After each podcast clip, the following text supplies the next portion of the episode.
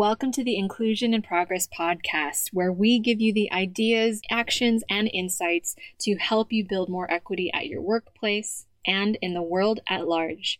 I'm your host, Kay Fabella, international expert on diversity, equity, and inclusion, a Filipino American living in Spain, and your guide in navigating this DEI journey. Having worked with teams at companies such as Philips, the IMF, Red Hat, PepsiCo, and more, I know firsthand that the work of inclusion only works when everyone has a seat at the table. Regardless of your personal entry point into this conversation, your race, ethnicity, gender, ability, age, sexual orientation, country of origin, or educational background, we all have a role to play in creating inclusion for all. And it starts with us having conversations we need to create the change we wish to see. So let's dive into today's episode.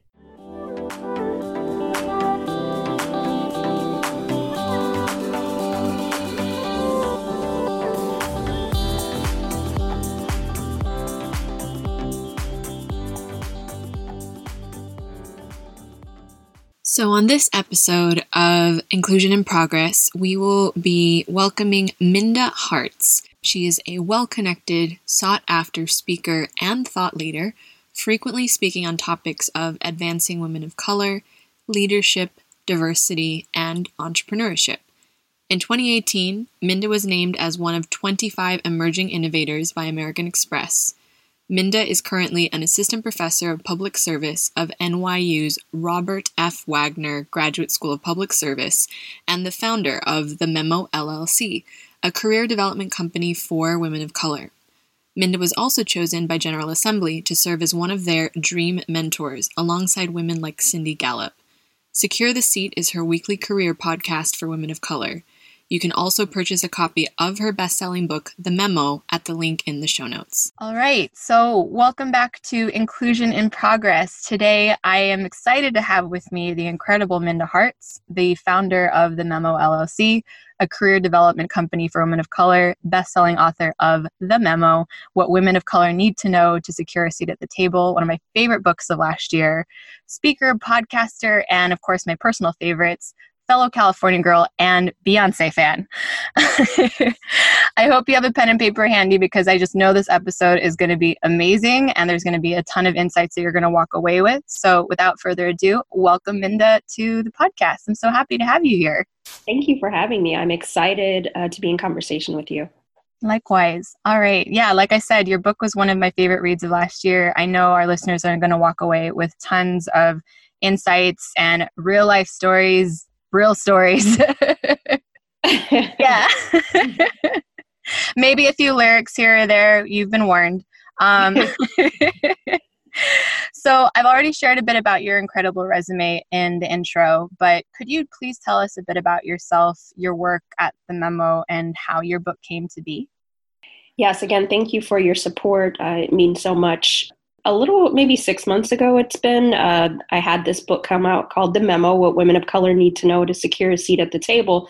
But what a lot of people are surprised to find out because they've come across the book first is four years prior to the book coming out i started a company called the memo. And and i started it because after spending 15 years in corporate and nonprofit roles i was always the only and sometimes one of few and I realized that a lot of the career information, the career narratives, were always through one lens, but it did not include those of women of color, women that look like me.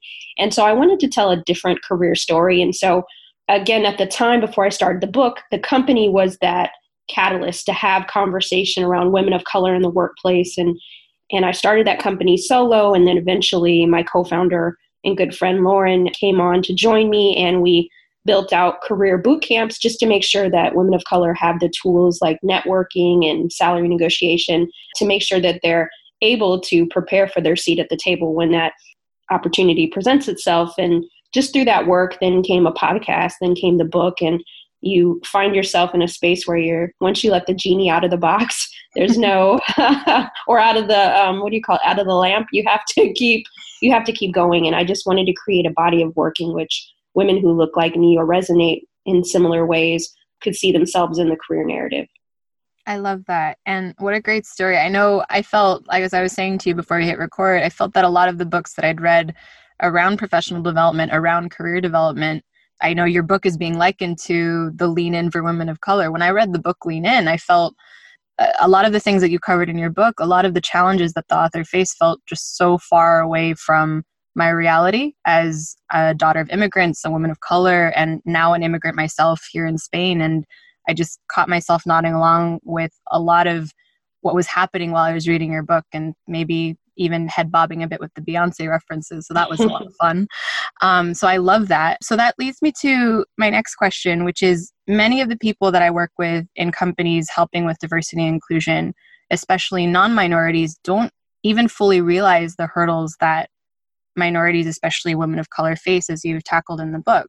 In some cases, speaking for myself, I didn't realize that I was experiencing discrimination or racism at all until even many years later in context when I had the awareness about it.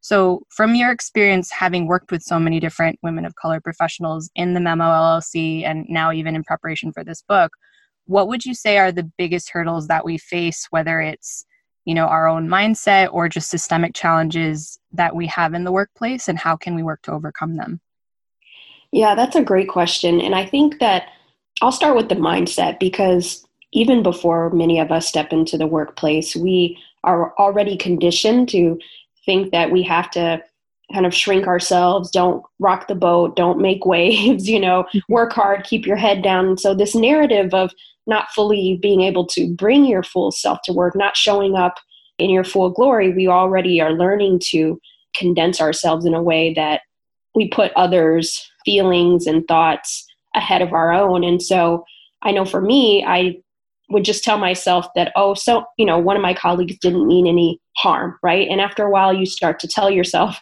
these stories and you start to believe it. But when you take a step back, you're like, wow, these things really did cause me a lot of harm and and it contributes i believe to the imposter syndrome and to what we feel we deserve in the workplace right so if you're making what some people deem as good money even though you may not be making as much as some of your counterparts you just take it because it's better than you know what you used to have and so i think it's this whole mindset and i talk about the book in the book creating this empire state of mind versus this enemy state of mind because a lot of that is how we see ourselves or how people have told us to see ourselves. And so I do think that we have to to do the internal work to make sure that when we step into a space, we know we belong, despite maybe what uh, the environment might tell us on the walls and in the halls. Uh, so I think it starts there. And as I've been on tour, so many women that I've met, they'll say, Wow, I didn't even realize, to your point, that I was in this kind of enemy state of mind because I've settled into the microaggressions and I've settled into the bias. And when you've done that for years and years, you don't even realize that it could be better. Yeah, absolutely. Exactly.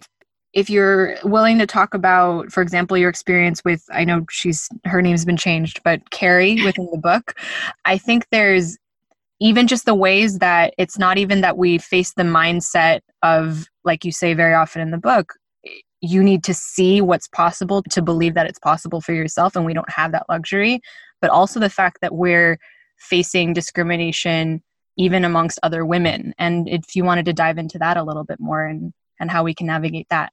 Right. So i think oftentimes when we talk about the workplace right you if you're on social media you'll see oh well you know we have to stick it to the men right? Because you know they're the problem or whatever have you. And i and what we don't always talk about is the pain inflicted in the toxic work environments that sometimes women create for other women.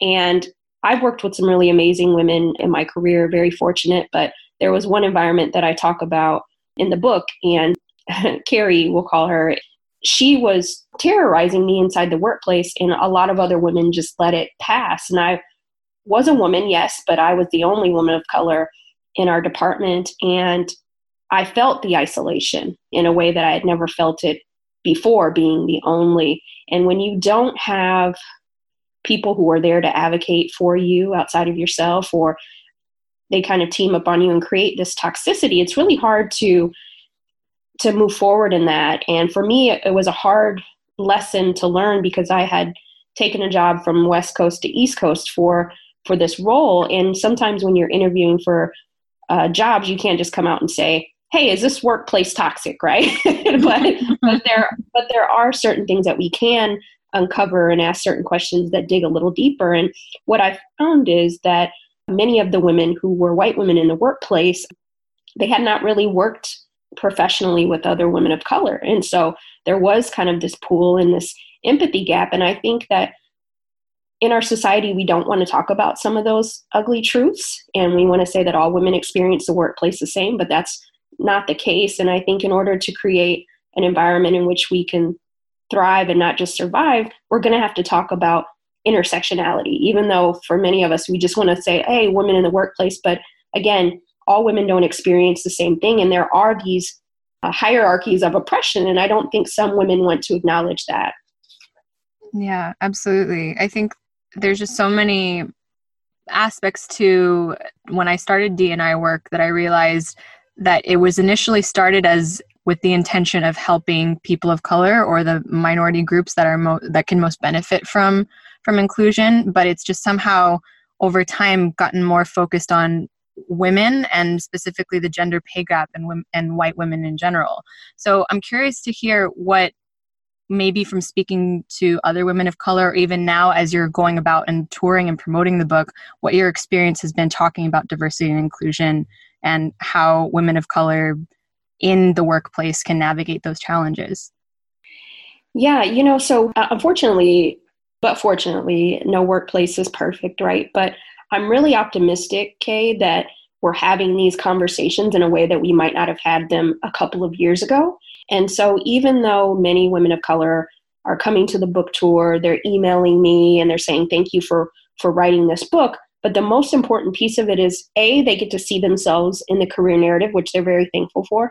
But the other part of it is they're saying, How do we get you inside this company, our company, so that our managers hear this narrative, right? Because if we're just kind of talking to ourselves, which is very powerful because we're empowering one another to move forward and advocate for ourselves. But unfortunately, there's this kind of cognitive dissonance because you're like, okay, yeah, diversity, inclusion, belonging is really important. But if the people who are causing a lot of the workplace oppression or the toxicity aren't hearing, aren't reading books like this or podcasts like yours, then it's frustrating for them, right? And so I think that it's going to take another level of intentionality for us to really pull back the covers and say, okay, if in my research I found that women of color, 70% of them felt like their managers were not invested in their success.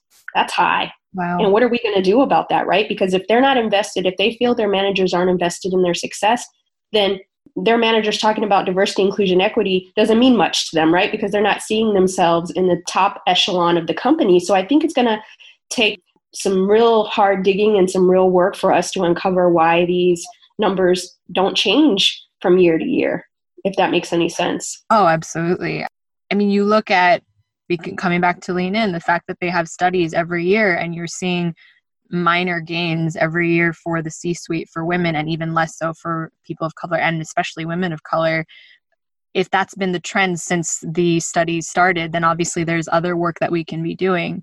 But like you said, there must be this knowledge that there's an awareness and at least the spaces to talk about these conversations in ways that we haven't before is is a good sign so what is it that people can do or women of color specifically can do individually to overcome these hurdles that we face in the workplace? Because as we know there is a long way to go for inclusion and belonging to happen but the only thing that we can really do to have an equal shot at advancement as our as our non-minority peers is to show up authentically at work which you come to often in the book. You know i'm really diving into this idea of dual responsibility on the show.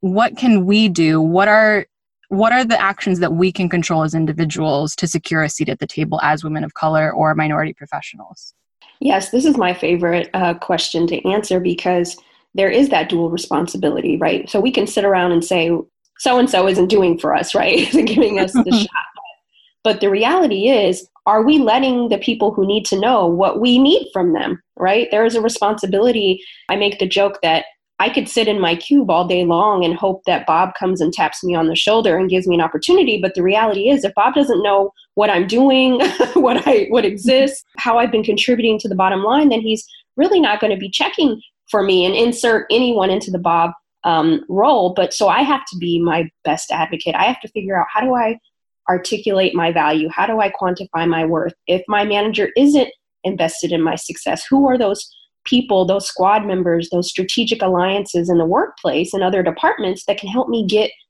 my, my seat, right? And I think that we just have to be strategic about our moves. And I think we've been so embedded in this meritocracy of that if you work hard, then that equates to promotions and more money. And and we realize that that's not always the case, right? The most talented don't always get to the top, but I do think that the most strategic sometimes make their way there. And I know for women of color, many of us have both, right? Talent and strategy. So let's implement it.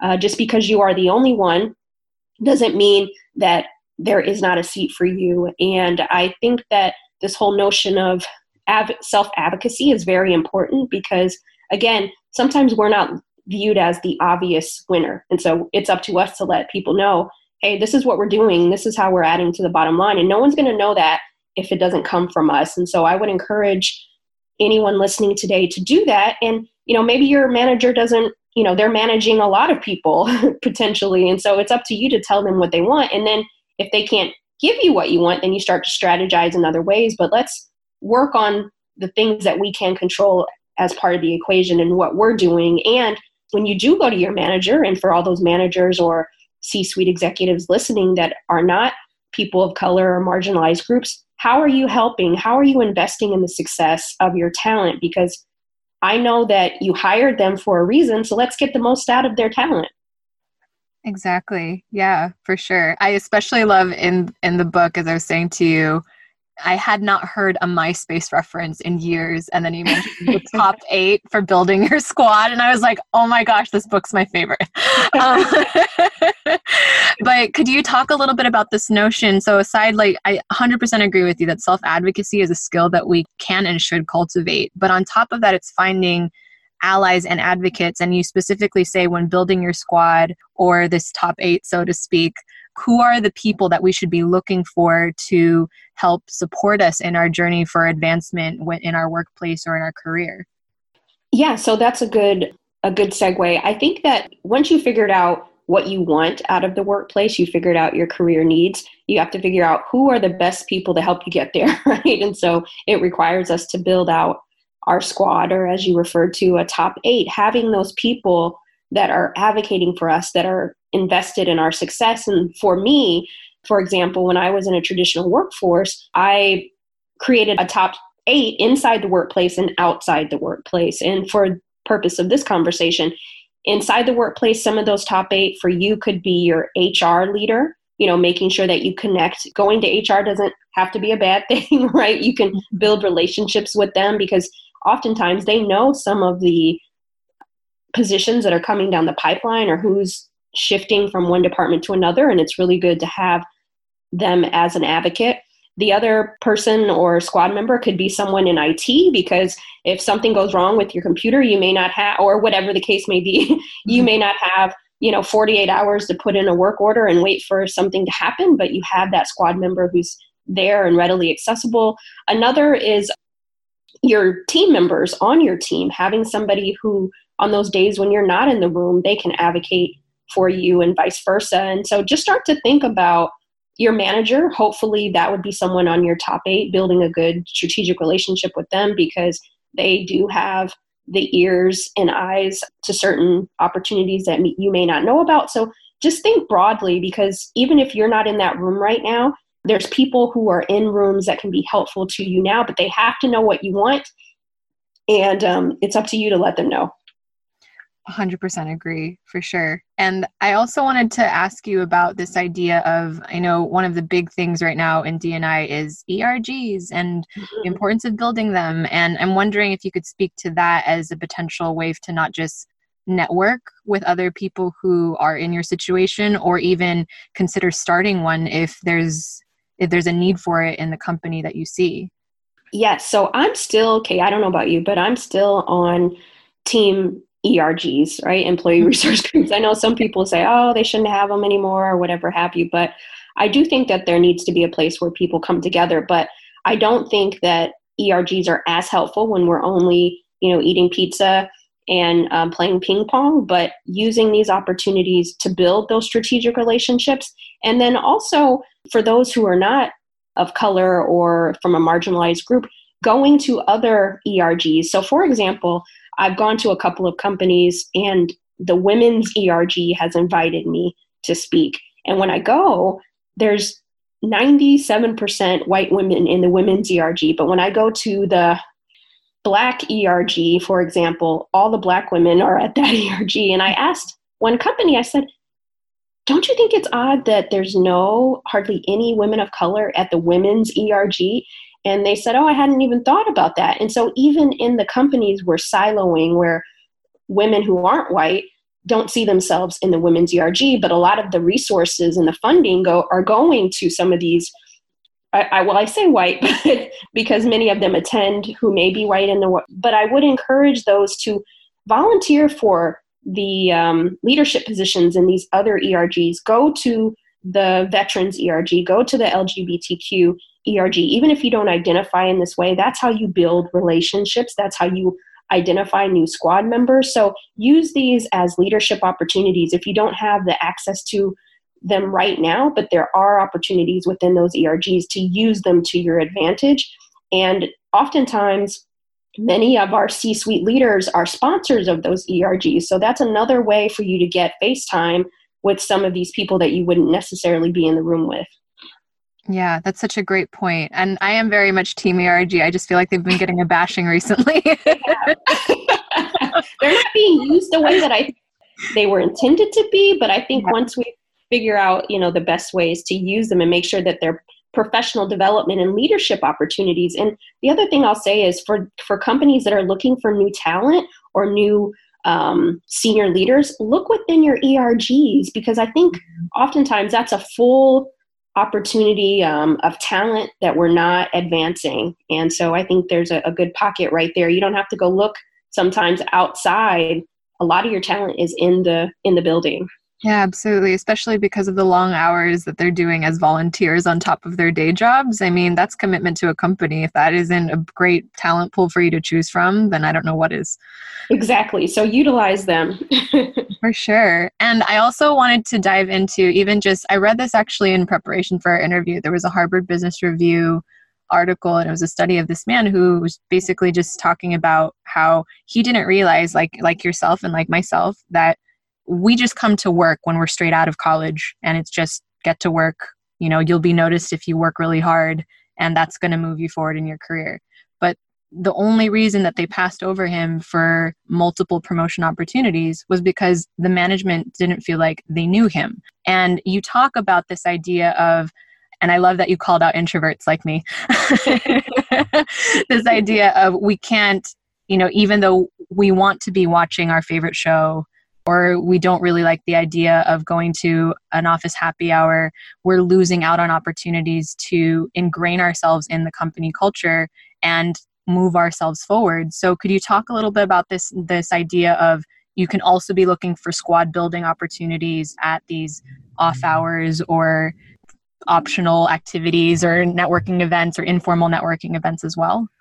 Yes, absolutely. I'm really big on getting out of the cube or getting out of your office because that's where people are talking about some of these opportunities. And I make the reference in the book that things happen after six, right? Uh, I realized that while I was working hard, getting there early, staying late, not saying that you should ditch your work ethic, that's still very important. But while I was working hard, this other set of rules were taking place. Like people were out to lunch, they were at coffee, they were at happy hour, and they were finding out about opportunities that I knew nothing about and wasn't even considered for.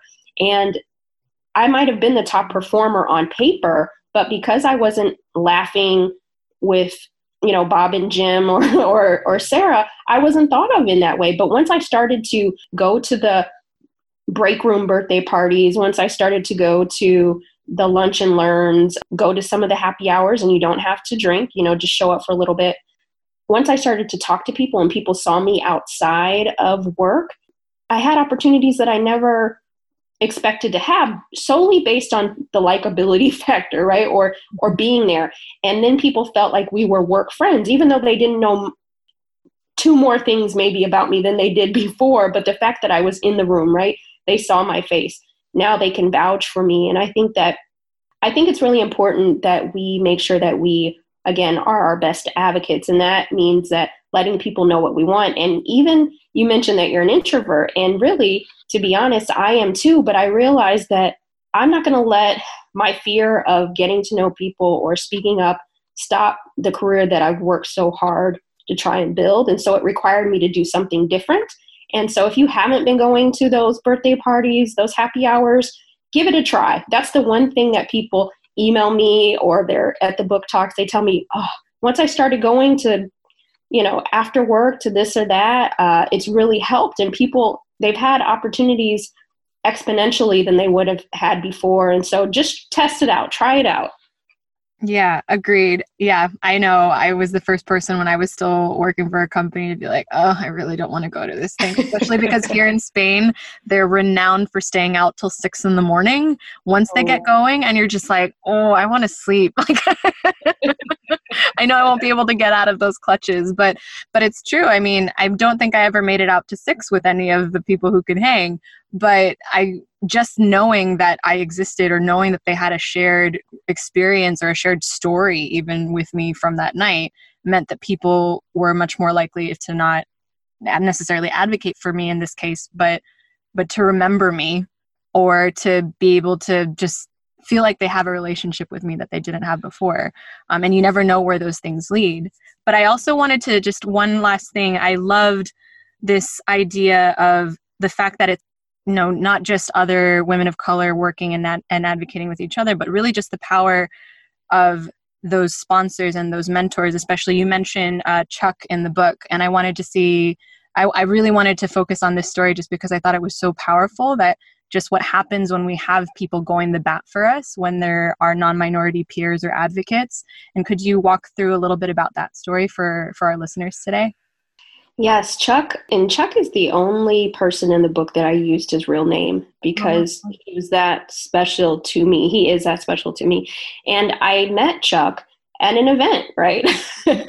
After um, we happened to be sitting at the same table and sitting next to each other. And I could have been that person that I didn't want to be there to begin with, but I knew I needed to be. and I could have, you know, not talked to him, but I engaged him in conversation. It was small talk. I never thought I'd see Chuck ever again. But at the end of the night, he gave me his card, and and I was at that point where I wanted to start to build relationships with um, other individuals. And he had a lot of tenure in our industry, but he was a consultant to our company, and so I followed up with him the next day and just said, "Hey, I'm thankful for the opportunity to meet with you. I, I hope that we stay in touch." And I have to say this: at the time, I was living in Los Angeles, and Chuck was living in Palo Alto, California. So and to be honest, that was 15 plus years ago, and I have not have not seen Chuck in almost that long, but we still communicate to this day. But that's an aside. I think that Chuck was what I needed. I call him like a fairy godfather because when I met him, I was working really hard, but I didn't know how to articulate my career story. So I wasn't going after opportunities on paper because I didn't think I met the requirements, right? As sometimes as women, we want to have check all of the boxes. Maybe they mm-hmm. ask for 10 things, and because I only had 9.5, I'm not going after them. But he's like, listen, you're doing this work already. And he helped me see myself in a way that I didn't see myself. And so he pushed me to go after opportunities that I thought were beyond me. He taught me how to negotiate my salary. He really helped me be my best advocate. And Chuck is a white man, and he really took me under his wings. And I'm so thankful for him because sometimes we don't know what we don't know, right? Mm-hmm. And we need people. He saw something in me where he could be a success partner, he can be an ally. And so if you're listening and you notice that someone is very talented and they might just need a couple of extra things that you have to offer, take them under the wing, be that sponsor, be that mentor. And um, Chuck has always been there at every iteration of my career, giving me those tips and giving me those that push that I needed, and we all need a Chuck in our life. I love that. It's such a it was such a great story to me and such a perfect example of what the world could look like if we had more Chucks. yes. You know, when I met Chuck, I was probably t- 26 maybe when I met Chuck, and Chuck was in his probably his late 50s then, right? So mm. if you put us side by side, people would probably, our unconscious bias would say these two have nothing in common. they have nothing in common. And the other thing I want to point out is sometimes in our minds we think that as a mentor or sponsor, you have to talk to this person every day, you have to see them all the time. And I made the point that I haven't actually seen Chuck face to face in probably over 10 years, but we text, we email, and he still as invested in me as that day that I asked him for my first, you know, how do I negotiate a salary? And so when you build those relationships and you foster them, they really can be for a lifetime. Absolutely. So I just think it's a wonderful way to to just show full circle like what happens when you build the squad when you show up and believe in yourself and and actually lean in on your terms as a woman of color as a minority professional and also just the power of relationships i mean you you guys will love this when you read this in the book i mean minda has has literally broken down all of the ways that you can continue to build relationships even after you know you haven't seen them in 10 15 years just because there's just so much power in one believing that you should be there even if you are an only because it's not just about you it's about who comes after you.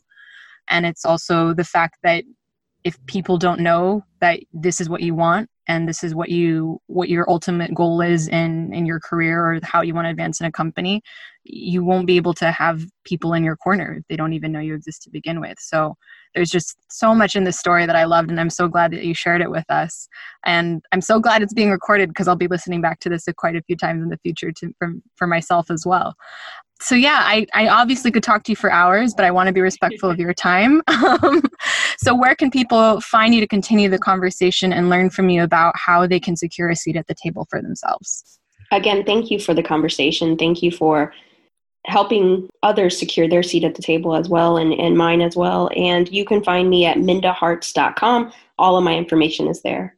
Fantastic. So, thank you so much for being on Inclusion in Progress. And if you are listening to this, please be sure to tag Minda or myself on social media. There's quite a few results for her now. You'll see her on a bunch of places since this book's come out. So, please let her know that you have listened to our conversation, your favorite insights, and of course, don't forget to subscribe, rate, and review the podcast on iTunes. Every bit of feedback helps us get the message to the people who'd most benefit from a more inclusive world. So thanks again for tuning in, and I will see you in next week's episode.